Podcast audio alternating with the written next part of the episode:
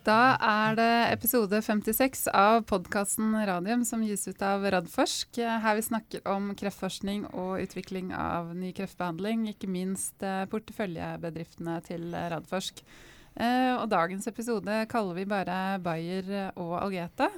Eh, før vi kommer til det, så velkommen til deg, Jonas Einarsson. Takk skal du ha, Elisabeth. Eh, og så må vi si veldig, veldig hyggelig og velkommen til gjestene våre. Thomas Ramdal, administrerende direktør i Bayer Norge. Og så har du tidligere hatt samme funksjon i Algeta. Det stemmer. Ja, Takk for å være her. Veldig hyggelig. Og velkommen til Frode Nakkim, som er kommunikasjonssjef i Bayer Norge. Takk skal du ha. Um, og linken til Rådforsk. Jeg veit at ikke du er så innmari glad for at jeg nevner dette her, eh, Jonas. Men det er jo det at uh, dere Radforsk var inne som investor i Algeta lenge. Uh, men dere klarte da å selge dere ut i 2007, da selskapet ble børsnotert. Ja ja, bare, bare, bare gni det inn. Ja da, vi var, vi var, vi var tidlig investor og, og var med ja, fra gans, ganske så tidlig og frem til uh, børsnoteringen. Uh, og da fant jeg ut min, all min visdom og da var det på tide å selge seg ut for å begynne med noe nytt. Det viste seg at uh, det var ikke det smarteste jeg har gjort. Nei, men du har Nei. lært siden da, har du ikke ja, det? Jo. Ja, ikke sant? Det så jo skummelt ut en stund. da. Det gikk jo nedover og nedover dessverre i starten. Så. Ja, altså vi, den var jo nede i halvparten av det vi solgte for. Da mm. følte jeg meg veldig smart. Men mm. når den gikk for ti ganger av det vi solgte for, så var det ikke så smart igjen. Mm. Så, men uh, velkommen til biotekverden. Mm. Ja, sånn er det. Den går, den går opp og ned hele tiden. Eh, men eh, grunnen til at eh, vi har dere her i studio, er jo nettopp fordi Algeta er en av de største suksessene innenfor biotek i Norge.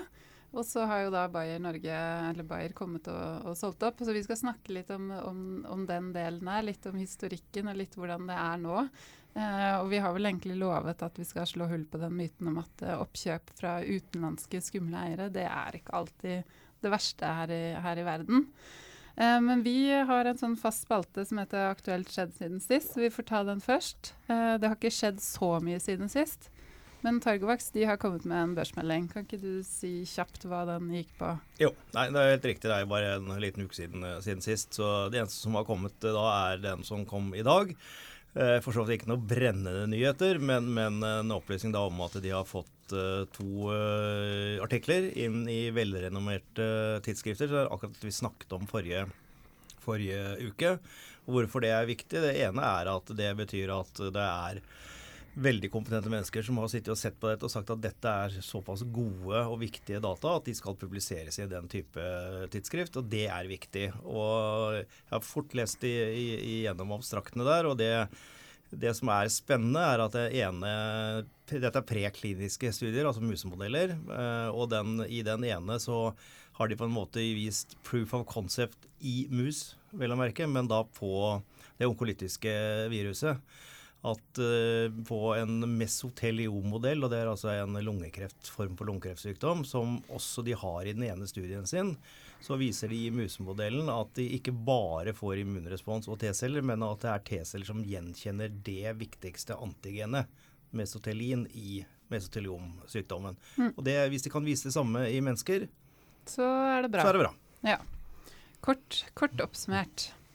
Eh, men da over til eh, våre gjester og, og, dagens tema. Altså, kan vi ikke først begynne med, med Bayer Norge? Kan vi ikke si litt eh, kort om, om selskapet? En sånn form for eh, elevator pitch. Ja, Bayer har vært i Norge som eget selskap i over 50 år, men representert i, med produktene i mye lengre tid enn det. Eh, I dag er Bayer et life science-selskap. Dvs. Si at vi jobber kun innenfor ting som har med livsvitenskap å gjøre. Eh, farmasøytiske produkter, reseptpliktige legemidler, eh, ikke-reseptpliktige legemidler, dyrehelse. Eh, og eh, ikke minst landbruksprodukter. Vi har vært store innenfor det, og som dere kjenner til, så har vi også kjøpt et stort selskap i det siste. Så nå er vi en av de største i verden på det området også. Mm. Men i Norge så er det farmasi som er det største som vi jobber med. Og der har vi jo store produkter som Sarelto innenfor hjerte-kar, Alia innenfor øyesykdommer. Vi har eh, Kalina som er eh, innenfor hormonspiraler. Og vi har Kovalter innenfor eh, blødersykdommer. Mm. Og så har vi også en onkologiportefølje med Stivarga, Nexavar, men ikke minst også da Sofigo. Mm. Som er et såkalt must win-brand i Bayer. Det betyr en av de seks brand som, som, man virkelig satser på i Bayer. Og vi er liksom en, en hjørnesten i Bayers onkologisatsing eh, globalt sett også. Hvordan er onkologisatsingen til, til Bayer, og er den spissa nå mot uh, immunonkologi, eller er det bredere satsing fra Bayer? Eh, den er en veldig viktig del av Bayers farmasøytiske satsing. Det er en egen forretningsenhet som ble etablert eh, for en stund siden. Eh, onkologisatsing i USA, som er en global satsing, egentlig, hvor også vi hører innunder der i, i vår FoU-virksomhet. Mm. Eh, det vi jobber med, med Alfa Pharmaceutical, som vi kaller det, er en viktig del av det. Men også immunonkologi og andre mm. mer moderne kreftformer er, en viktig del av dette her. Ja. Man sier det hele tatt Persontilpassa medisin innenfor onkologi er fremtida, eller en stor del av framtida for Bayer eh, på farmasiden. Ja, Så det sprer seg litt også utover i, i, i det. Den andre delen av immunonkologi, da, hvis du holder liksom radiofarmaka der, og så har du den som går på modellering av immunsystemet eh, med checkpoint-invitører med onkolytiske virus eller IDO eller hva det måtte være. De også, men også se på genetiske eh, mutasjoner og ja. de også. Ja. Bayer kjøpte jo et selskap nylig, Loxo Pharmaceutical, som uh, jobber nettopp med det. Hvor indikasjonen er mer en mutasjon og ikke da spesielle kancerformer, da. Ja, men, de, men, de, forskjellige kancertypene som har den spesifikke eh, mutasjonen. Ja, Vi har snakket om det i en, en tidligere podkast, at, mm. uh, at, FDA for første gang i historien har altså godkjent uh, et legemiddel som har en mutasjon som indikasjon, mm. Mm. Sånn, MSI. og det er, det er, jo en spennende utvikling. Ja. Mm. Det er nok framtida. Altså når de som godkjenner disse legemidlene, henger med, henger med på det. Tok dagens hjertesukk litt tidlig, ja. Alt i orden. I hvert fall de norske. ja. men, uh, men, Thomas, du nevner Sofigo. Det er ikke sikkert at alle lytterne våre, selv om de er uh, veldig oppegående, veit hva det er. Kan ikke du bare si veldig kort hva, hva Sofigo er? Sofigo er uh, Bayers legemiddel som er utviklet basert på norsk teknologi. Kommer litt tilbake til det. En alfa-imiterende legemiddel basert på radium 223. Og hadde tidligere navnet Alfaradin under tidlig utvikling. da. Eh, det kommer jo fra Algeta, som Bayer kjøpte for eh, fire år siden. Og som jeg har vært så heldig å være med på utviklingen av helt siden 2001. Mm. Uh, ideen til produktet kom fra Roy Larsen og Øyvind Bruland uh, tilbake til 1997, da de etablerte ATI, Anti-Cancer Therapeutic Inventions, som senere ble til uh, Algeta. de hadde en veldig god idé, en kime til et produkt, men uh, det som ofte ikke kommer helt frem, er at det er uh, fra den tiden og frem til det ble godkjent, så har det vært uh, over 100 personer i Algeta. I en veldig bred bakgrunn innenfor legemiddelutvikling. Kjemi, farmasi, farmakologi, registrering. Veldig mange forskjellige fagfelt som har gjort dette til den suksessen det var. Så dette er ikke noen tomannsbedrift som jobbet med en idé, og så solgte de det til Bayer.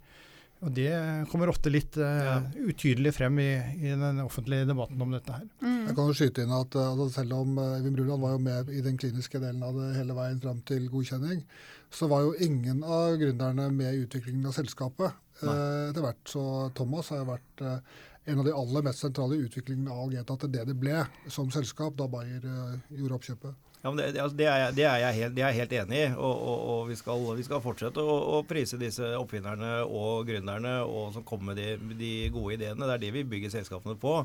Men derfra til å bygge selskapene, som vi nå begynner å få flere av, det, er en, en, jobb som mange må gjøre.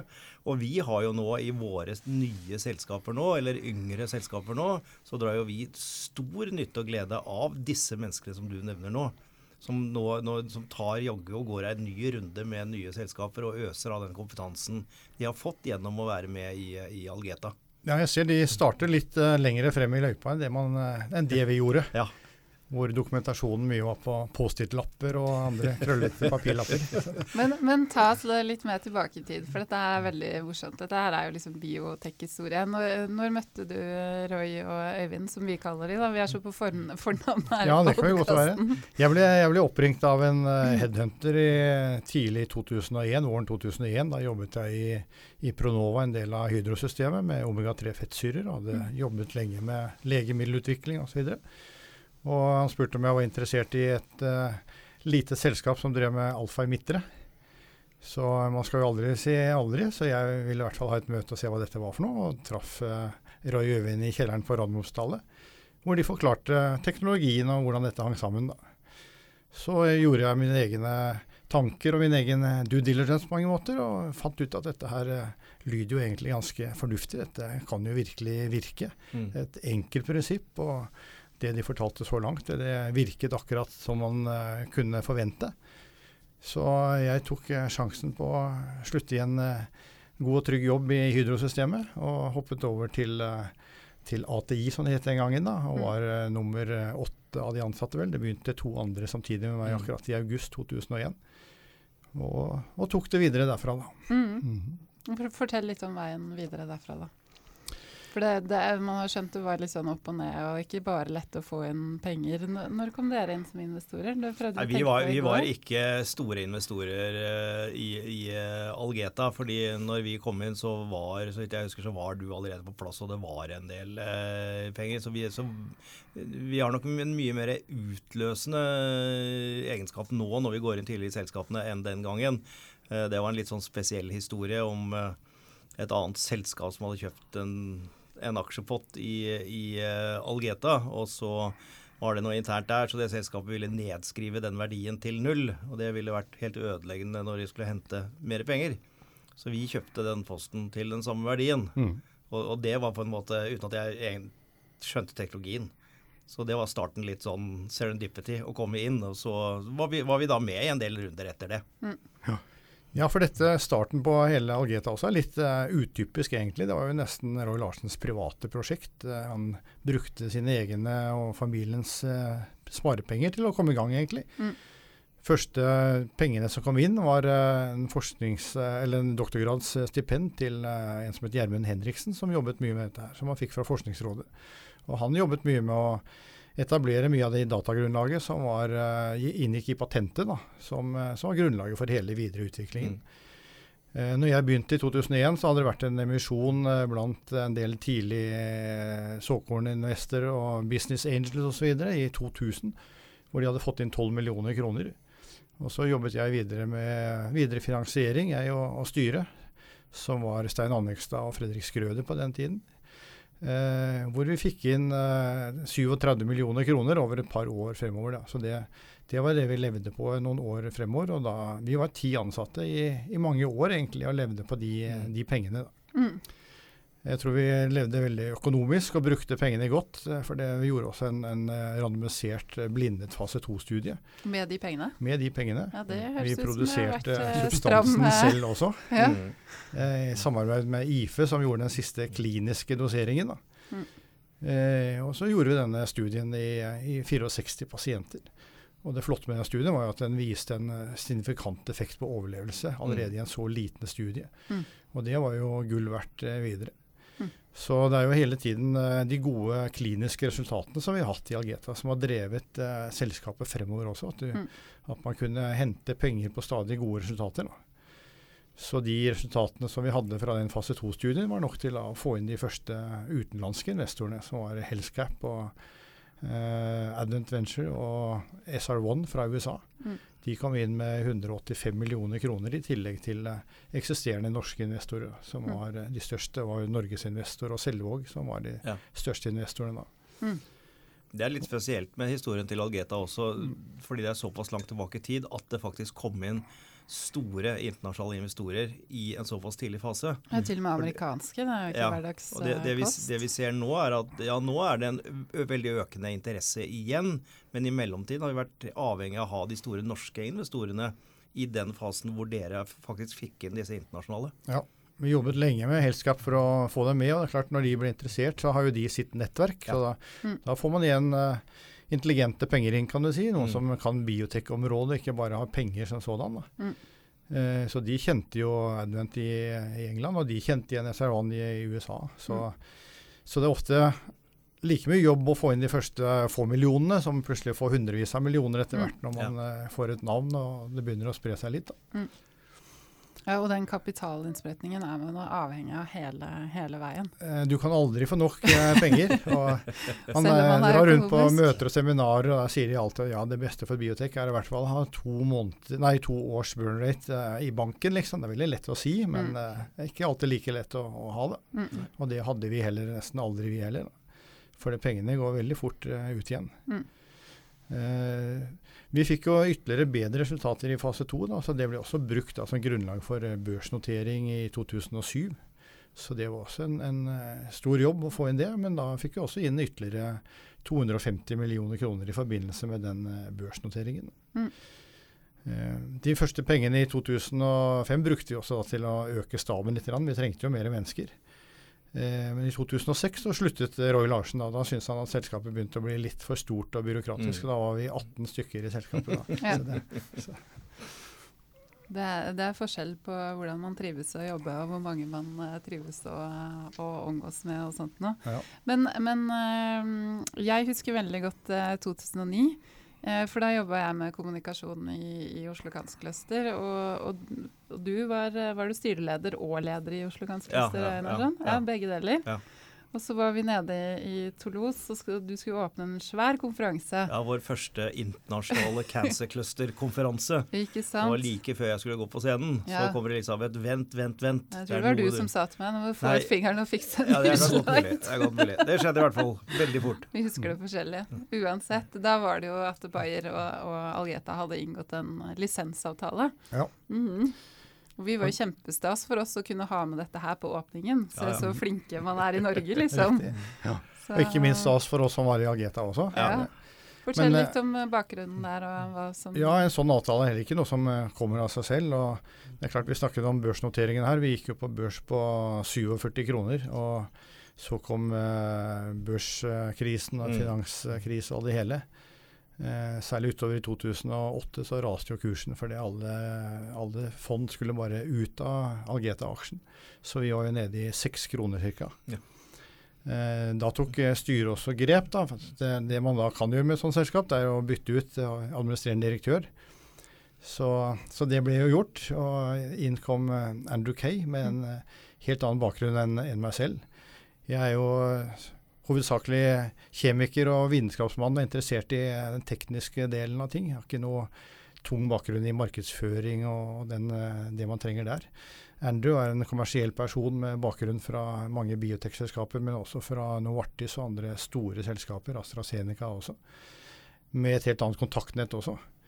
Og er det noe man trenger hele tiden i biotek, enten det er på fagsiden eller finansiering eller partnerskap, så er det jo kontakter osv. Mm. mm. Eh, vi hadde også i mellomtiden fått inn andre utlendinger, som eh, Roger Harrison på Business Development. Eh, vi hadde Gillis O'Brien Tier som Chief Medical Officer. Etter hvert fikk vi også en IR-person, Mike Booth, som mm. kunne håndtere investorer og analytikere. Så vi trengte absolutt å få en internasjonal kapasitet på, på markedssiden og, og, det å kunne håndtere eh, analytikere, investorer osv. Og da med det nettverket de hadde, så klarte de også da å få inn uh, Bayer som, uh, som, partner. Det var flere selskaper uh, i diskusjonen, men vi valgte Bayer. Mm. Og fikk en utrolig god avtale med Bayer, sett fra vår side. For det Andrew og hadde jo vært på andre siden av bordet også og handlet med småselskaper og visste de skulle, hvordan de skulle ta dem. Og nå var det motsatt vei. Ja, de visste hva de skulle be om fra Bayers mm. side. Så vi fikk en, en kjempeavtale. Eh, 800 millioner dollar var liksom overskriften. Det er eh, såkalte biobucks. Det er når man eh, sorterer ut alle mulige upfront og, og milepæler. Men vi fikk tross alt 42 millioner euro upfront. Mm. Og vi hadde to ganske eh, nære milepæler eh, på 50 millioner euro hver eh, når vi feilet og når produktet ble godkjent. Det skjedde ikke så mange årene etterpå. Nei. Eh, videre så beholdt vi retten til å markedsføre dette i USA, 50-50 med, med, Bayer. Eh, Bayer skulle dekke alle videre utviklingskostnader. Det er en eh, Veldig mange småselskaper gjør feil der og sier at man skal dele utviklingskostnadene. Mm. Og da blir man fort knust av de store, for det koster mye penger. Mm. Bayer fikk hele regningen på videre utvikling. Og vi skulle også beholde produksjonen og være ansvarlig for å levere produktet til Bayer. Så det var veldig mange gode punkter med den avtalen som, eh, som gjorde den eh, veldig bra fra Algetas side. Mm. Mm. Ja, det høres ut som en, en, kjempeavtale. Jeg tenker det er noen som sitter og noterer uh, hardt når de hører, hører, dette her. Eller kanskje du blir oppringt mye framover for, for, å høre mer. Mm. Um, Men, men skal vi se, hva var det jeg skulle spørre om? Jeg blir jo helt, helt fascinert her. Um, jo, IFE. Det har jeg glemt å skrive på spørsmålet. Men når ja. kommer IFE, altså Institutt for energiteknikk, når kommer de inn i bildet? For de blir de jo en viktig i, del på produksjonssiden. Ja, de kom inn i bildet veldig tidlig, i 2000 allerede. Mm. tok jeg, Roy Larsen den første kontakten med, med IFE for å se på produksjon av produktet. Uh, I Algeta eller ATI på den tiden så hadde man liksom en liten generator man kunne produsere litt radium 223, men det måtte jo produseres i, i en form som kunne gis til, uh, til klinikk, uh, til, til, mennesker under GMP-forhold. Så det var tidlig kontakt med IFE. da. IFE har jo en lang tradisjon med, med radiofarmaka. Har jo vært for det første en av de første stedene utenfor supermaktene som hadde en kjernereaktor i, i hele verden. Mm. Og Ut fra det bygde opp eh, da, kunnskap om eh, radiofarmaka. Produserte bl.a. J131 til, eh, til eh, skjoldbruskkjertelterapi osv. allerede på 50-60-tallet. Mm. Så de hadde en tradisjon for, for radiofarmaka. Og det var jo veldig heldig for, for Algeta. Skulle vi ut og samarbeide med en stor aktør, så må du ofte ut med store kontrakter og, og langvarige forhold. og Det hadde jo ikke vi noe penger til. Men, eh, men IFE passet som hånd i hanske for utviklingen eh, av Sofigo. Mm. Så vi har jobbet tett sammen hele tiden egentlig med IFE og, og vokst sammen. Mm. Så når Bayer da, eh, etter avtalen i 2009 også begynte å se alvorlig på kommersiell produksjon av dette her, så blir det gjort en en undersøkelse rundt i, i, hele Europa egentlig, hvor man kunne legge produksjonen. Men uh, likevel så fant man ut at uh, den kunnskapen som Algeta hadde og IFE hadde sammen, den, uh, den, tilsa at man skulle legge anlegget i Norge. Da. Så, mm. så anlegget ble bygget med Algetas teknologi, men lagt til IFE. Så i dag er det IFE som drifter anlegget, men det er Bayer som eier anlegget som sådan. Mm. Men vi sysselsetter ca. 120 personer på IFE med denne produksjonen. da. Mm og leverer det til over 40 land fra, fra IFE. Står for, Bayer står nå for en tredjedel av, eller mer enn en tredjedel faktisk, av totale omsetningen til IFE. Både Kjeller og Halden. Så at Bayers virksomhet på IFE er helt avgjørende for IFEs drift i det hele tatt. Ja. Og det er jo interessant, uh, som jeg har blitt fortalt, da, siden jeg ikke var med på den tiden, at uh, IFE først var veldig negative til å drive kommersiell produksjon. De var sånn motvillig etter mye å tenke seg om, kom fram til at ja, de kan drive prøveproduksjon, men de kunne ikke være med på noen kommersiell produksjon. Og Nå har altså Bayers virksomhet da gjort IFE til en av de viktigste kommersielle produsentene av legemidler i Norge. Mm. Og den delen av virksomheten er blitt veldig viktig for IFEs drift. Mm. Og den sånn initielle motstand har vel litt med hvem man er og hvor man skal og litt sånn ja, og IFE var jo et eh, forskningssenter. Er det, er det, er det fortsatt. fortsatt. Ja. Så det er jo ikke midt i deres forretningsidé å drive med produksjon, Nei. men likevel så, så, har vi gjort det sammen. Så, mm. Mm. Det er så uh, morsomt. Um, hvis vi spoler litt framover, så kommer vi jo da til uh, eh, 2014. Og da kommer jo Bayer inn og, og kjøper opp Algeta. og da det, dette tallet her er vel kanskje mest sitert i biotek i Norge. 17,6 milliarder eh, norske kroner. Jeg, jeg, for, jeg foretrekker 2,8 milliarder dollar. Da kan folk regne ja, over da, denne dagens kurs. Eller 2,1 milliarder euro, som er brukt. Ja. for oss som ikke liker å regne sånn i hodet veldig kjapt, så er det mye lettere å huske det, huske det tallet. Kroner blir jo større, større tall. Da, ja, ikke sant. Det virker jo ja. veldig voldsomt. Og, og, da, og, det her kom jo ganske kort tid, altså det oppkjøpet etter at Sofigo var blitt uh, godkjent godkjent. Mm. Eh, og den godkjenningen også er jo altså Her ble det snakk om en fase 3-studie som ble stoppet fordi man hadde en interimavlesning. Og så er da resultatene så bra at det er uetisk å ikke på en måte åpne opp og, og gi til alle. Ja. Um, fortell litt om det. Altså, hadde dere forespeila dere at noe sånt skulle skje? Nei, så Du kan jo aldri forespeile, du kan drømme selvfølgelig, ja. og vi drømte jo om det. Det var en planlagt interimanalyse i uh, Alsymka-studien, som den het. Det var jo en, eh, en uh, ganske tradisjonell fase 3-studie, bygget veldig likt som den fase 2-studien vi hadde. Det tror jeg er en annen lærdom man skal ta med seg. at Man skal ikke forandre design altfor mye når man uh, gjør neste studie. Man skal prøve å gjøre det samme. Så Alsymka-studien var ganske lik vår fase 2-studie. Var i 921 pasienter i 19 land rundt omkring i, i, verden.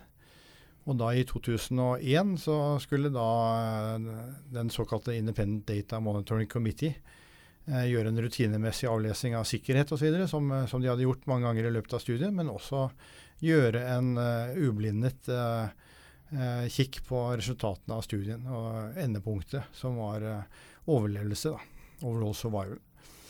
og vi, dette var under ASKO-møtet i 2011 i Chicago. Og vi skulle få komme inn til, til møtet og høre resultatet når det forelå. da, Men vi satt ute på gangen der i timevis og ventet, så det var, det var, det var tydelig at det var en diskusjon gående ja. i det rommet. Og vi ja. visste jo at det foregikk noe der inne. og Medlem kom inn og ut og gikk på toalett og tilbake igjen med stramme ansikter, så vi visste jo ikke åssen det gikk før vi kom inn der. da. Mm. Og Så begynte de å snakke om uh, safety, at den var OK. Og så tenkte jeg kom igjen, da. Kom igjen, da. da var det en italiensk formann der. Den sa And when it comes to the primary endpoint, sånn, uh, you have reached it, sa han. Sånn, så det var, uh, det var litt av en, et øyeblikk etter ja. å ha holdt på med dette her i ti år. Ja. Når du får dommen liksom opp eller ned. Så det var jo fantastisk. Men etter det så var det jo selvfølgelig veldig mye jobb igjen fra mange ansatte både i, eh, her i Oslo og også i Bayer-systemet for å skrive sammen denne dokumentasjonen og levere inn uh, søknad om markedsføringstillatelse. Til slutt så var det vel kanskje en million sider eller sånt i en sånn søknad. da. Ja. Selv om det nå uh, går elektronisk og ikke på papir. Mm. Så den ble jo sendt inn rett før jul i 2012. Og allerede etter fire måneder så fikk vi godkjenning i USA fra FDA. da. Og det er første, kjapt, altså. Det er veldig kjapt, ja. ja. Det er altså, Asko er jo på vårparten, er det ikke det? Ja, for det var mai-juni. Ja, mai-juni. Nei, altså dette var jo flere år, eller to Men det var 2011. År, ja. Mm. Så totaltiden var ja, ca. to år? Ja. ja. Det er kjapt. Ja da. Ja. Mm -hmm. Det er gøy. Ja. Og da gikk også en uke etter det så gikk den første kommersielle skipmøten fra den nye fabrikken på IFE til, til USA. Mm. Eh, som jeg sa, i den uh, dealen vi hadde med Bayer, så hadde vi jo en, en opsjon til uh, å ha en 50-50 uh, co-promotion i USA. Den opsjonen hadde Algeta ja, utløst også en tid i forveien. Så vi hadde faktisk over 60 ansatte i USA også, med hovedkvarter i Massachusetts. I i Cambridge. Eh, hvor vi hadde veldig mange gode folk fra andre store Fra mange andre store legemiddelselskaper som var syntes det var veldig spennende å være med på dette lille, nye produktet. da.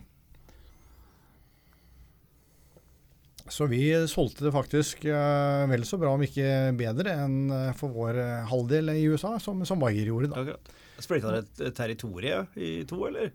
Mm. Altså Hadde dere vært hver deres halvdel av USA? Du tenker ja, de tok ja. opp et sånt kart? Man delte det, ja. Sånn? ja. ja, det var det Geografisk mellom oss, ja. nettopp, Men, men ca. 50-50 når det gjaldt populasjon osv. Og, og dealen var at man delte 50-50 på utgifter og 50-50 på inntekter. Så. Mens i andre deler av verden så fikk eh, Algeta en tosifret royalty på salget. Ja. Mm. Eh, produktet ble jo senere på høsten 2013 også godkjent i Europa og etter hvert andre land også. Mm. Mm. Uh, men ut fra den dealen vi, vi hadde med Bayer, jeg vet jo ikke helt, eh, helt uh, deres motiver for dette her, men det sto jo også i årsrapporten til Bayer i 2013 at man nå ville kjøpe Algeta for å få full kontroll over Sofigo, som det heter. Ja, ja. Altså det sto i, i, årsrapporten før de på en måte hadde vært i dialog ja, for, med dere? Nei, nei, nei selvfølgelig nei, ikke. Men uh, Det hadde vært litt artig å åpne opp og bare jazze. årsrapporten kom jo som regel etter nyttår. i 2000, Den kom jo ut i 2014 òg. Ja, ja. Og det var jo, var jo, diskusjoner, det var jo kjent at det var jo diskusjoner om dette mm. mange måneder før dealen ble closet da, i, mm. i mars 2014. Da. Mm. Mm. Så da overtok Bayer eh, full kontroll og rettigheter til, til Sofigo. Mm. Mange var kritiske til det oppkjøpet. og Det er litt tilbake til det vi snakket om i, i starten, med at uh, når, når, norske selskaper blir kjøpt opp av, av utenlandske, så, så forvent, altså ligger det på en måte en sånn forventning om at da forsvinner verdien ut av landet. Men det har jo overhodet ikke, ikke, skjedd her. Kan ikke dere fortelle litt om hva dere egentlig har bygd opp etter at liksom Bayer Norge kom inn? Ja. Eh, men før, uh, før, vi ble kjøpt, da, så må vi også være klar over at uh, vi var et børsnotert selskap. Og, mm. og, alle børsnoterte selskaper er jo til salgs hver eneste dag. på en mm. Aksjonærene eier jo selskapet, og de kan uh, kjøpe og selge det akkurat som de vil. Så det er jo ikke Algeta eller Algeta-ledelsen som solgte selskapet, det er jo aksjonærene som solgte selskapet til Bayer. Mm, godt poeng. Og, og selv om man da er, eh, eies nå 100 av, av Bayer, så var vi jo over 60 eid av utenlandske eiere. Det var jo 35% amerikanske eiere bl.a. I, i Algeta tidligere også. Men det Bayer har gjort, er jo, eh, til tross for mange spådommer og sånn, at eh, man bare kjøper det og stikker av med verdiene, så har Bayer investert videre i, i Norge.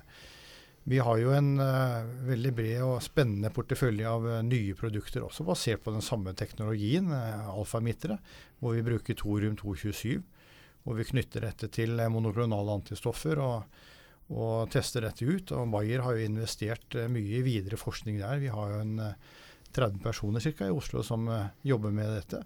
Og vi investerte tungt i et nytt laboratorie hvor dette også gjøres da, på Lysaker. Mm. Eh, Bayer har jo videre investert i, i produksjon, eh, bygger ut produksjonen. selv om vi også har bygget et anlegg i USA samtidig. Det er også gjort med hjelp av eh, norsk kunnskap. Og våre norske medarbeidere har jo vært i USA og bidratt til å bygge opp den linjen også. Men det er mer for å sikre leveringssikkerhet. Jeg skulle ut og si det. Mm. Akkurat den der forflytningen over havet der er ja. ikke alltid like trygg. Nei, vi hadde jo eh, aske, askeskyen på Island som en utfordring en gang i tiden. Vi kom ja. rundt den også, men man vet aldri. Så det er mye tryggere å ha to produksjonsanlegg. Mm. Du kan si Thomas, at selv om, selv om, det er aksjonærene som solgte Algeta til Bayer, så er det jo selskapets ledelse som la eh, grunnlaget for at et sånt selskap som Bayer ville gå inn eh, og kjøpe Algeta. og Det er jo også grunnlaget for det som har blitt eventyret etterpå. Jeg pleier å si at når folk snakker om Algeta-eventyret, eh, så, og alle snakker Alle snakker om Algeta-eventyret. Algeta så jeg begynte å spørre hva er det man mener med det. For de mm. fleste snakker da om det eventyret som endte med et oppkjøp på 17,6 milliarder kroner eller noe sånt. Um, men for vår del så begynte jo egentlig Algeta-eventyret da. Fordi eh, det er jo da man begynte å kommersialisere og begynte å, å skape verdier. Ut fra det som ble bygd gjennom eh, mange mange år i Algeta. Og Bayer har jo investert altså de har investert 700 millioner kroner bare de siste tre årene i forskning og utvikling i Oslo. Mm. Vi har investert flere hundre millioner kroner på IFE for å produsere der. Det er altså i øyeblikket ca. Eh, ja, nærmere 300 mennesker da, som jobber i Norge med Bayer-relaterte eh, ting. Og det aller meste av det jo, har jo Algeta som en opprinnelse. Mm. Sånn at den verdiskapningen som Bayer nå står for i Norge og innenfor norsk helsenæring, ja, basert på Algeta, er betydelig. Mm. Vi fant vel ut at uh, altså, de siste åra så er mer enn 20% av den totale Eh, FoU-investeringer i Norge på, innenfor legemiddelindustrien gjort av Bayer, mm. Eh, altså i Norge. Så, ja, det er utrolig viktig at du understreker den, den delen av på en måte eventyret. Og, og holder fast ved det at det var, det var ikke, slett ikke da eventyret sluttet. Uh, og det har en annen verdi i tillegg som kom ut av dette. og det er som du sa, Thomas, ja det var ca. 60 av uh, aksjene og verdiene som satt på utenlandske hender, men det var nesten 40 som satt på norske. Og de fikk, mange av de hadde fått en veldig hyggelig reise. Og det er penger vi har sett igjen når vi bygger nye selskaper. Mm. Eh, sånn at det dannet også grunnlaget for at folk trodde at ja, vi er klar over høy risiko og alle disse tingene, men det er faktisk mulig å investere i denne sektoren. Ja. Så det har også vært svært viktig for oss som prøver å bygge nye selskaper. Vi ser også Helskap, som hadde en uh, ja. god gevinst på Algeta. De har investert uh, videre i deres selskaper, ja. i flere av dem. Det, det, det, har de, og, og vi ser en absolutt en økende interesse rundt det. Så det er som du sa litt sånn vi, før vi gikk inn her, at nå må vi smukke til med et par nye sånne ordentlige bomber av, av gode nyheter fra selskapene våre. Og det, det, håper vi jo at noen av de er så modne nå at det, at det kan komme. Og da, da begynner snøballen virkelig å rulle for å bygge denne helsenæringen i Norge. Mm. Men der er vi i kjernen av det vi kaller eventyret. da, At uh, Algeta så var man så både tålmodig og dyktig at man utvikla hele selskapet i Norge. Ja. Med stor grad av norske investorer og med stor grad av norsk ledelse og, og, og ansatte. Og kompetanse, ikke minst. Eh, det gjør at man da kunne både eh, hente ut eh, den økonomiske gevinsten, som er blitt reinvestert i Norge i stor grad, men også at man opparbeider kompetanse i så stor grad her at den videre verdiskapningen har skjedd i Norge. Ja. Hvis Algeta hadde blitt solgt ut på et mye tidligere tidspunkt, så er det veldig mye større sjanse for at et selskap som Bayer eller lignende ville fortsatt virksomheten i et annet land. Ja, Det er jeg helt enig i, og ikke minst den kompetansen som da bygges opp ved at man gjør hele denne verdiskapningen i Norge og får alle disse flinke menneskene her utviklet her i Norge. Og i tillegg til det så gjør jo det blir, dette gir også større attraksjon for utenlandske eh, personer å komme til dette spennende miljøet. Og det er ikke bare på ledelsessiden i selskapet, men også på forskningssiden siden. Ikke minst. Eh, og det er sånn vi, vi begynner, at vi klarer å bygge dette som Oslo Kanskløster egentlig dreier seg om. da.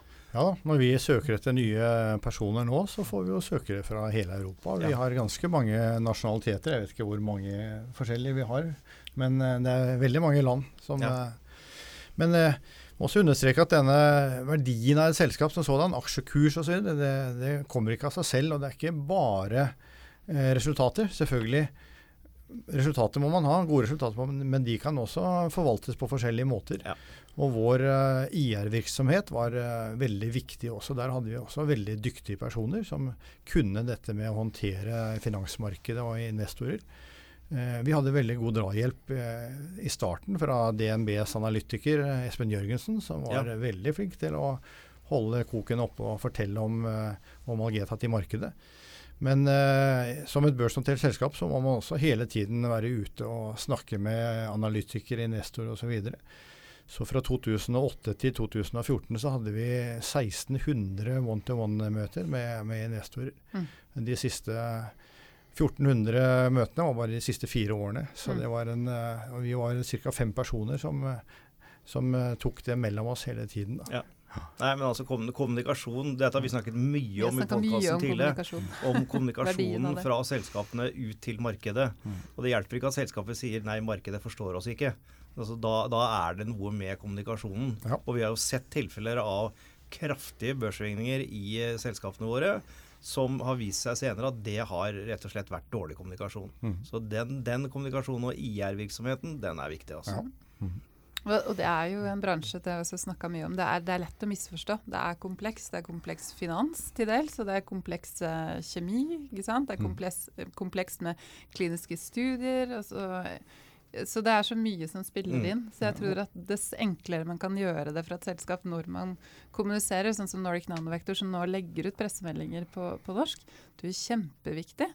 For den basen som, som er i Norge, og som investerer der, og som primært vil ha, ha ting, eh, ting på norsk.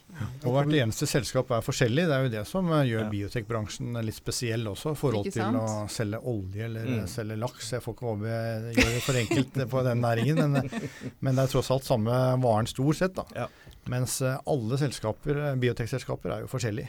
Mm. Både teknologi og produkt og bruk og alt Ja. mulig. Men kommunikasjonen vil jo også gjenspeiles i holdningene i og rundt selskapet. Eh, og jeg tenker, altså Hvis man er seriøse på at man vil utvikle en, eh, en eh, helsenæring i Norge, altså en legemiddelindustri, så er man nødt til å legge til rette for at disse selskapene ikke blir solgt ut tidlig. Det er klart det er fristende både for gründere og for investorer å cashe ut gevinst relativt tidlig. Ta det sikre for det usikre, eller, eller cashe ut på en relativt høy aksjeverdi. Um, men hvis man skal lykkes på den måte som Bayer har gjort, da, eller la oss si Norge har gjort med Algeta og Bayer-historien, så er man nødt til å beholde selskapet, altså fullutvikle selskapet og produktet i Norge. Og da må man legge til rette da, for at investorene kan sitte, og gründerne ikke minst, Mm. kan sitte som eier i selskapet hele veien fram. Jeg er veld, veldig enig. Det er eh, helt vesentlig. Og det har jo på en måte vært litt sånn filosofien vår at det vi ønsker for våre selskaper, er at vi skal klare å gjøre denne interne finansieringen med eller uten børsnotering. Jeg fikk et spørsmål fra et stort eh, eh, nederlandsk managerselskap for, i forrige uke, eh, som vi snakket rundt Radforsk-porteføljen. Og så sa han jeg har lagt, lagt merke til at dere børsnoterer selskapene der oppe i nord tidlig. Og da sa jeg ja, det er helt riktig. Ja, hvorfor det, spurte han meg. Jeg sa det, det er fordi det er der penga er. For vi har ikke sånn som, nok av sånne som dere. Mm. Og, så det, det er nettopp å tilknytte seg enda mer av disse spesialistinvestorene som kan komme med å ta en stor del av en større emisjon. Og kanskje ta den siste store før du eventuelt gjør den børsnoteringen. Ja. Og er finansiert gjennom en pivotalstudie. Det er, liksom, er, er man kommet så langt, da kan man sette seg ned ved forhandlingsbordet og begynne å diskutere. uh, om avtale eller ikke avtale. Ja, for man, eh, som du sier, man bør holde seg unna børs egentlig så lenge som mulig, egentlig. For Ja. det, er, eh, det er mye drawbacks med å være på børsen. Mm. Ja, det er det, men, men eh, det er der det er børsen og, og, og investorene som investerer i, i børs i, i Norge, som har gitt oss muligheten til å utvikle en del av de selskapene. Så, så, men, men, men det er pros, pros og cons på begge sider, det er helt Mm. riktig. Mm. Men, men det med helsenæring, altså det skrives jo en stortingsmelding om helsenæring nå, som skal legges fram eh, på nyåret før påske, etter hva jeg har skjønt fra, fra Nærings- og fiskeridepartementet. Eh, Sett med din bakgrunn, Thomas, da, fra å liksom bygge opp eh, en norsk biotek, og så nå som leder i, en, altså, i norgesdelen av en global farmasøytisk selskap. Hva, hva må man gjøre i Norge for å bygge en, en helsenæring? Jeg tror det er veldig vanskelig også å finne på noen sånn helt lure knep. Det er litt sånn som Frode var inne på også. Vi har jo mye interessant forskning, og det må man ta vare på. Eh, man må bygge selskaper og ikke selge ut lisenser eller gjøre noen kjappe greier, men eh, virkelig bygge selskaper. Så foredle det istedenfor ja. å ja. Mm. Og Mhm. tenke også på sånn som vi gjorde i Algeta, som vi også tidligere gjorde i de Hydro-selskapene var òg, at eh, bygge produksjon også. Det, det binder selskapet fastere til, eh, til masten, kan man si, Mm. til, eh, til Norge. Det skaper arbeidsplasser også, og det er et, eh, mer interessant å være et fullt integrert eh, selskap. Da. Mm. Så det er klart at eh, hvordan myndighetene kan bidra til det, er jo da å styrke eller støtte etablering av produksjon, eh, men ikke minst også dette har vi jo snakket om i det uendelige, med skattelette, formuesskatt og sånne saker. Kan ikke sies ofte nok, det der, Thomas. Bare kom igjen. For det er jo helt, eh, helt uforholdsmessig skattebelastning for gründere å måtte betale formuesskatt av dette her. Når eh, kanskje ni av ti ikke blir noe likevel. Du Mm. får jo ikke den skatten tilbake når det ikke var vellykket. Mm. Så, så det er også helt urimelig i sånne små selskaper, og burde være ganske lett å, å gjøre noe med, egentlig. Og Det handler igjen om eh, å kommunisere da, til de rette politikerne. Er- Mitt inntrykk er at når vi snakker med eh, politikere også som er grunnleggende mot eh, altså, eller for formuesskatt, så forstår de denne problemstillingen og vil gjerne eh, evne å gjøre noe med det, men det er, det er komplekst i, i Mm. det bildet. Særlig når du ønsker å, å beholde formuesskatt som et, et utjevnende element i samfunnet. Eh, Så det handler litt om hvordan vi fra vår side eh, for å si det sånn, som bransje og industri også kan kommunisere det til, til politikerne for å fi, finne løsninger. da. Fordi Hvis man igjen, hvis man er seriøse på at man ønsker å utvikle en helseindustri eller en helsenæring i Norge, så må man gjøre noe med det. Fordi vi har veldig mye god grunnforskning. Vi har en, en bra flora nå av eh, startup-selskaper. Mm. Og hvis de skal få lov å utvikle seg og gro hele veien fram, nå vil mange av de mislykkes, men de som har potensial til å lykkes, hvis de skal gro helt fram, så må, man, må gründerne få bedre eh, vilkår, rett og slett. Ja, for det er et eller annet med det at man kan jo altså Når du har så stor failure rate, eller altså, Nå snakker jeg sånn norsk-engelsk som jeg ikke liker. Når det er liksom ni av ti som ikke, ikke lykkes, så er det et eller annet med det at de må jo få lov, muligheten til å stable seg på beina og gå videre med neste selskap. For sånn er det jo med entreprenørskap. Mm. Det, det er, man lærer jo mye av å gå på trynet, for så å reise seg opp og prøve bedre neste gang. Ja, da er, er det ekstra skadelig at man må betale for potensialet underveis, selv Mm. om det er langt fram til å realisere. Virkelig. Men det, eh, det man ja. også må huske på, er at eh, det er ikke bare godt eh, å ha en akademisk idé og bygge på den. Det er, som jeg var inne på tidlig også, legemiddelutvikling er et fag i seg selv som Ja. inneholder veldig mange disipliner. Og der er det nok underskudd på den typen mennesker i, i Norge. Og management eh, som vi fikk fra utlandet også, som er eh, viktig i senere stadier av et selskap. Så det skorter nok eh, litt på antallet personer som kan dette her i Ja. Norge, faktisk. Men det vi ser nå, Thomas, det er at i selskaper som enda ikke er kommet i klinikk, men som er på vei inn der, så ansetter vi nå CEO-er og, og BDO-er og, og CSO-er som kommer fra Spania, Italia, Portugal, andre steder, og som kommer fra sånn level 2-3-jobber i de store selskapene fordi de syns det er så spennende, det som skjer her nå. Og det er klart at de går jo kraftig ned i lønn når de kommer. Og hva kan et selskap betale med da? Jo, de kan betale med opsjoner i, i tillegg. Og, og det er også noe som ikke bare myndighetene, men også norske co-investorer kan prøve å forstå litt mer at det er bedre at vi betaler med en andel av aksjer som kan få en potensiell verdi, enn at vi bruker investorenes penger til å betale veldig høye lønninger i det ja. tidlige stadiet. Ja. Så, så du, har, du, har, helt rett, men, men, det er liksom gledelig utvikling at vi ser ja. nå at vi klarer å rekruttere disse menneskene inn i et mye tidligere stadium i mm. selskapene. Ja, det er bra. Mm. For det er et interessant perspektiv at i de fleste land som driver med legemiddelutvikling, så vil små selskaper kunne støtte seg til et stort lokalt selskap. Mm. Eh, altså I Danmark og Sverige f.eks., ja. eller Sveits, Frankrike, Tyskland, USA, så har du store lokale selskaper som vil være veldig interessert i å følge opp hvis du har godt potensial. I Norge så har vi ikke de selskapene, vi har ikke den tradisjonen i det hele tatt. og Derfor så er jo den Algeta-historien så unik også. Ja. Og den kompetansen som da Thomas og de andre fra Algeta-tiden sitter på, den er ganske eksepsjonell. Fordi den kan ikke sammenlignes med tilsvarende selskaper i f.eks. Sverige, hvor du Nei. har en gigant som kan hjelpe dem fram. Det er sant. Vi skal ikke underslå da GE Helskers og gamle Nycomeds rolle i dette. her, da, For det er jo den store kilden som egentlig har vært til uh, mange av de nye selskapene. Når vi begynte med dette her for en 18-19 eh, år siden, ja. så var jo samtlige hadde jo bakgrunn fra Nycomed eller GE da. Mm. Ja. Noen få av oss var ikke derfra, men veldig mange. Ja, aller fleste. Du er, er, du unntaket som bekrefter regelen? Så vi, kalte jo uh, Kjelsås for Nukoveien 3, sånn på fleip også. Det, var, det er enda, enda en synergieffekt. altså Enda en del av det som da kalles Salgeta-eventyret, er jo da at uh, mens Salgeta rekrutterte i stor grad fra GE og Nycomed, så ser vi nå at mange av de startupene nå rekrutterer fra oss, fra Bayer. Ja. Sånn at kompetansen går på en måte i en sirkel som mm. er eller gå videre, da, som er eh, veldig sunn. Eh, mens vi er store nok til å kunne rekruttere lovende og dyktige forskere fra universitetet, i hvert fall fra, i ung alder. Ja. Mens, de, mens, de, som da har vært gjennom Algeta og store deler av Bayer-utviklingen, de kan nå tilføre nye, unge selskaper sin solide kompetanse. Ja, det er uvurderlig for oss når vi har nye selskaper som skal i klinikk.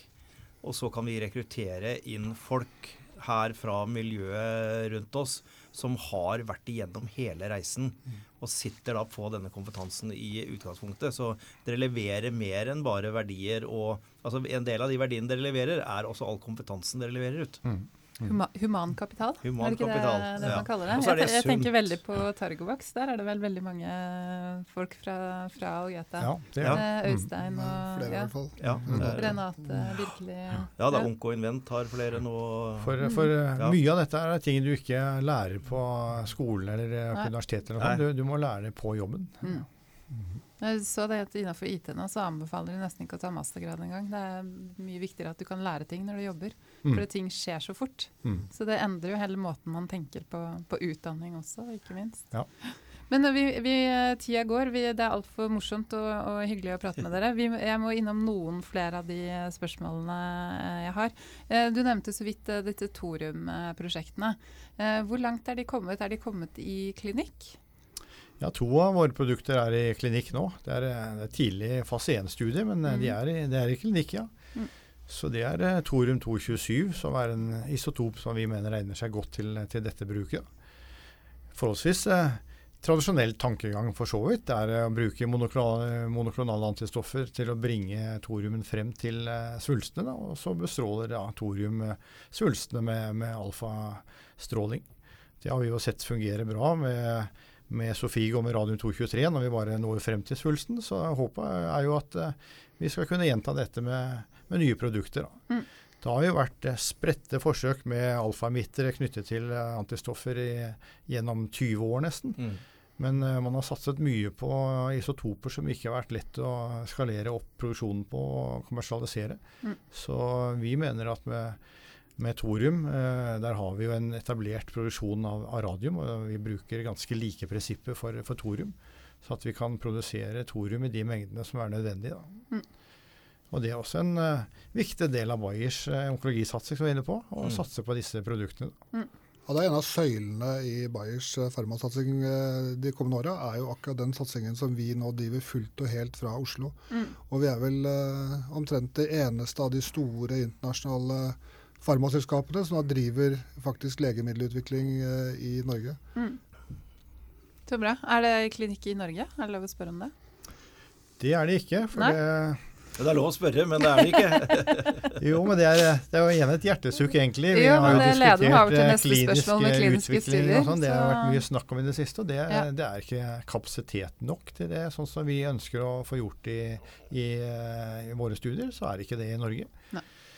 Eh, og man har jo snakket om å fokusere på kliniske studier, bygge det ut osv. Det er helt fra jeg kom inn i legemiddelbransjen tidlig på 90-tallet. Da holdt jeg på med et eh, deuterert legemiddel, eh, Silascorb som det het, i Norsk Hydro.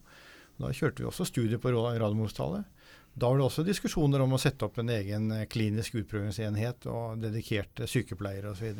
Mm. Og det har ikke skjedd noen ting, nesten. Nei, det har skjedd uh, fælt lite. Og det er uh, tilbake igjen til uh, helsenæringsmeldingen, så er jo det vårt, en, en, av våre tre viktigste innspill er at hvis vi skal bygge dette opp, og ikke bare bygge opp dette her i Norge, men at også norske pasienter og klinikere skal få gleden av det, så, så må det nå gjøres nettopp det du sier.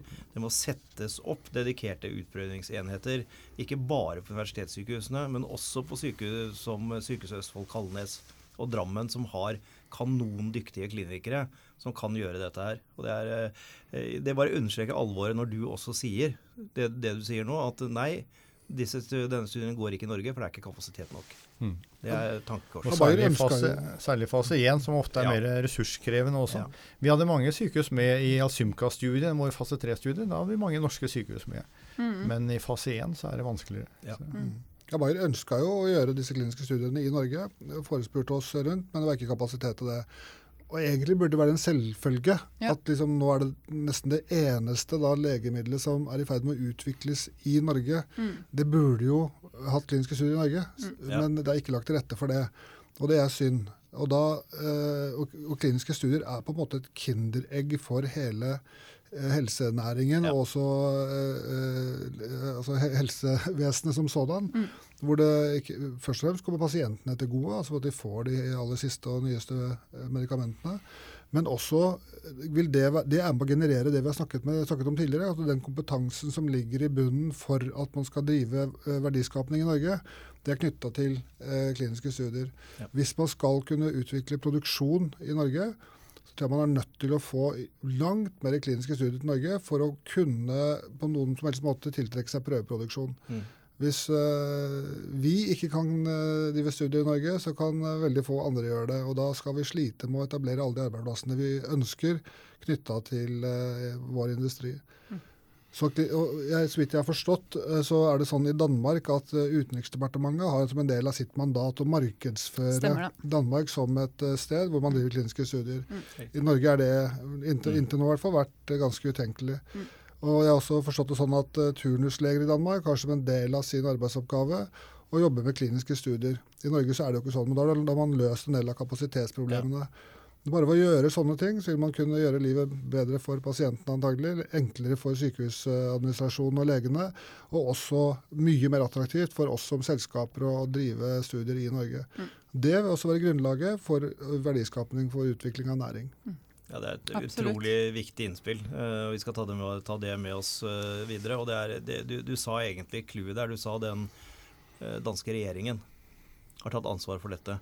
For hvis det bare kommer signaler fra myndighetene fra toppen, fra departementet og regjeringen om at det er ønskelig med flere kliniske studier, og det sier de jo også i oppdragsbrevene, og kommer med en sånn liten lunken 5% som man bør nå, som er på 25, hvis jeg ikke husker feil, i Danmark, mm. så skjer det ikke noe i byråkratiet. Og da må det være, altså Myndigheten, departementet, må ta styring og si at dette skal gjøres. Men da må du også følge ressurser og penger med. Da må, de, da må de, de, mm. de, de, må gi direkte de pengene som skal til. For jeg har full respekt for hvor tøft det er i en sykehushverdag. Ja. Og de skal behandle pasienter etter standard of care og alt det som skal gjøres. Og da for dem å prioritere dette inn under det vanlige sykehusbudsjettet, det har jeg full respekt for, og derfor må det komme ekstra midler inn. Ja, Det skjønner jeg også veldig godt, for dette må du gjøre på time 60 til 80 i arbeidsuken sin, ja. kanskje, hvis du skal gjøre dette sånn som ja. det er i dag. Mm. Ja. For det å gjennomføre kliniske studier er en voldsomt byråkrati og skjemavelde, det også. Mm. Hvis uh, dokumentasjonen skal være bra nok til å bruke til uh, senere registrering osv. Mm.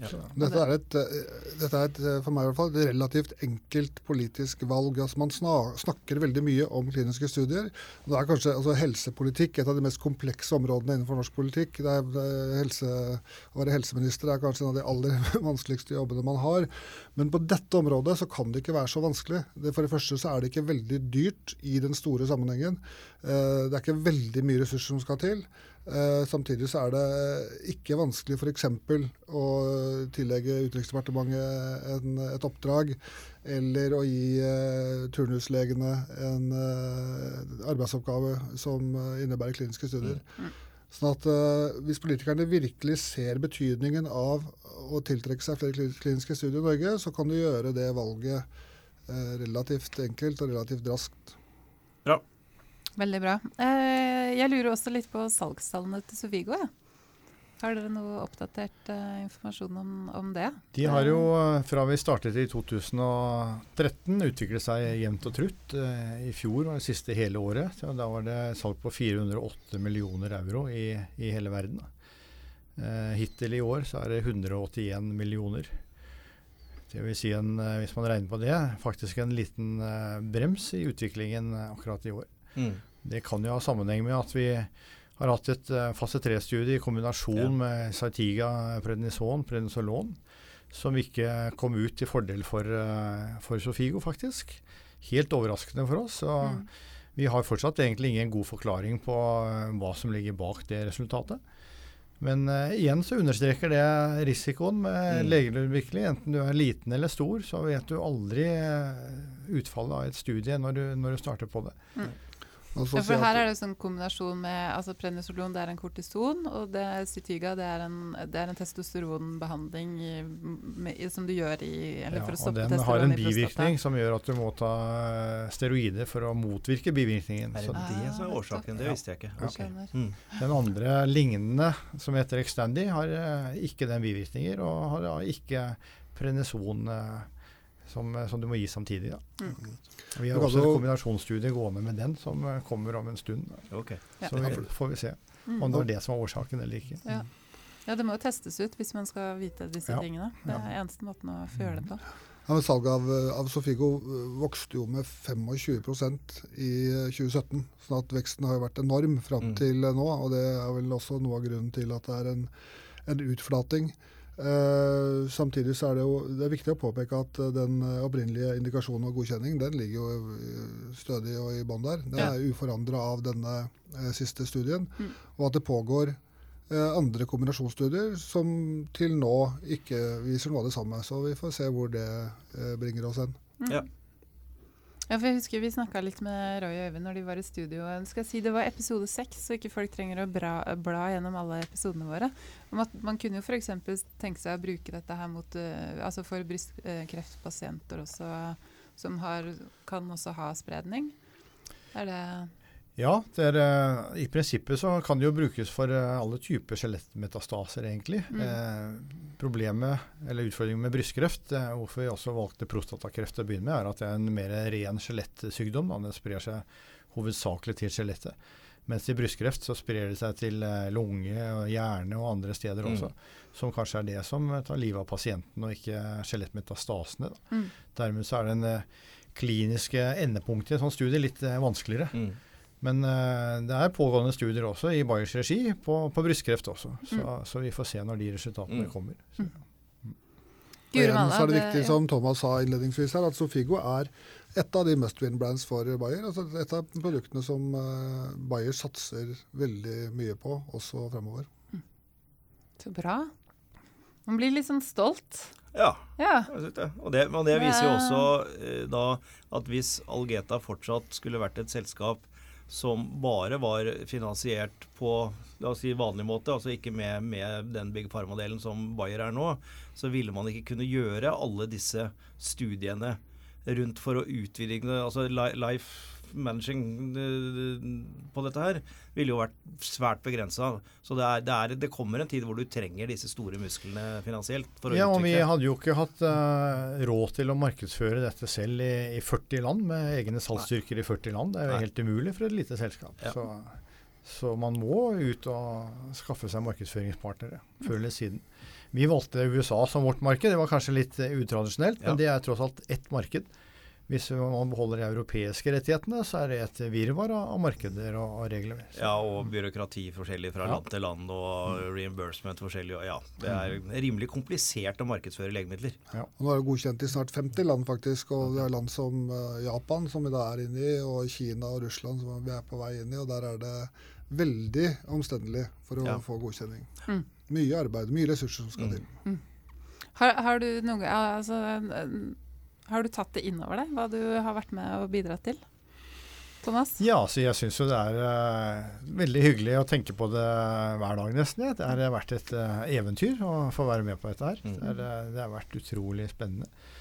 Eh, også da å være liksom uh, vært bidragsyter til uh, stjernen i biotek-verdenen i Norge. Men uh, jeg håper jo at det snart skal dukke opp nye stjerner på himmelen, som vi snakket om. At vi ikke bare alltid skal snakke om Next Algeta, men at det Nei. virkelig finnes der også, da. Ja, det, det ser jeg frem til. Så. Det ser vi virkelig, virkelig frem til. Og så er det siste aspektet der også, som jeg syns er noe som gleder meg nesten daglig med å jobbe med dette her, det er alle de pasientene som faktisk har glede og nytte av de medikamentene vi har vært med å, å utvikle. Mm. Det er sånn for en gammel allmennpraktiker er det stort, altså. Ja. Ja. Vi har eh, mange anekdoter om, eh, om eh, radikal forbedring blant mange pasienter. Ja. Det har vi. Man kan ikke liksom hjelpe alle, selvfølgelig, men det er veldig mange gode historier. Det er et viktig element, eh, Jonas. Altså, vi, legemiddelindustrien blir jo beskyldt for det ene og det andre, ikke minst for uh, grådighet. Vi ser, altså, nå har vi snakka mye om penger og investeringer og utvikling av selskap osv., men vi ser ikke minst de forskerne som jobber hos oss, altså de fleste som jobber hos oss i Bayer nå, som uh, driver med, i en eller annen grad med utvikling av legemidler, de er så dedikerte til oppgaven nettopp med å utvikle noe som kommer pasientene til gode. Ja. De, eh, det er veldig langt fra deres tankegang til eh, den, de voldsomme omsetningene og prisene som vi diskuterer i, Ja. i mediene. Nei, Det kan jeg ikke understreke nok. eh, det du sier der, altså at Alle som jobber i disse selskapene, jeg jobber jo sammen med de daglige. Det er, jeg jobber veldig mye med å skaffe dem nok penger til at vi skal få dette til. Og de som gir oss penger, må se at det er muligheten for at de kan tjene mer penger. Så det, den spiralen er der og skal være der. Men det er ikke det som opptar alle disse dedikerte menneskene som jobber i selskapene. De, de gjør dette for å være med å utvikle kreftlegemidler som virkelig skal hjelpe pasientene. Så det, jeg blir også, blir også litt lei meg når det blir fremstilt som om alle de ansatte i disse selskapene på en måte representerer denne hauken og grådigheten og, og alt dette som dukker opp i forhold til det. Skal vi ikke ta prisdiskusjonen nå? Vi har hatt den mange ganger før. Alle de fleste av lytterne vet hva jeg, hva jeg mener eh, rundt det. Eh, Men, men det, det er så viktig å, å få fram den, denne siden av det vi driver med. Når jeg eh, begynte i Radforsk for snart 19 år siden, så var det en kollega på et sykehus her som sa at jaså, du skal gå til sengs med fienden nå. Fordi jeg skulle begynne å jobbe med industrien for å utvikle eh, norsk forskning.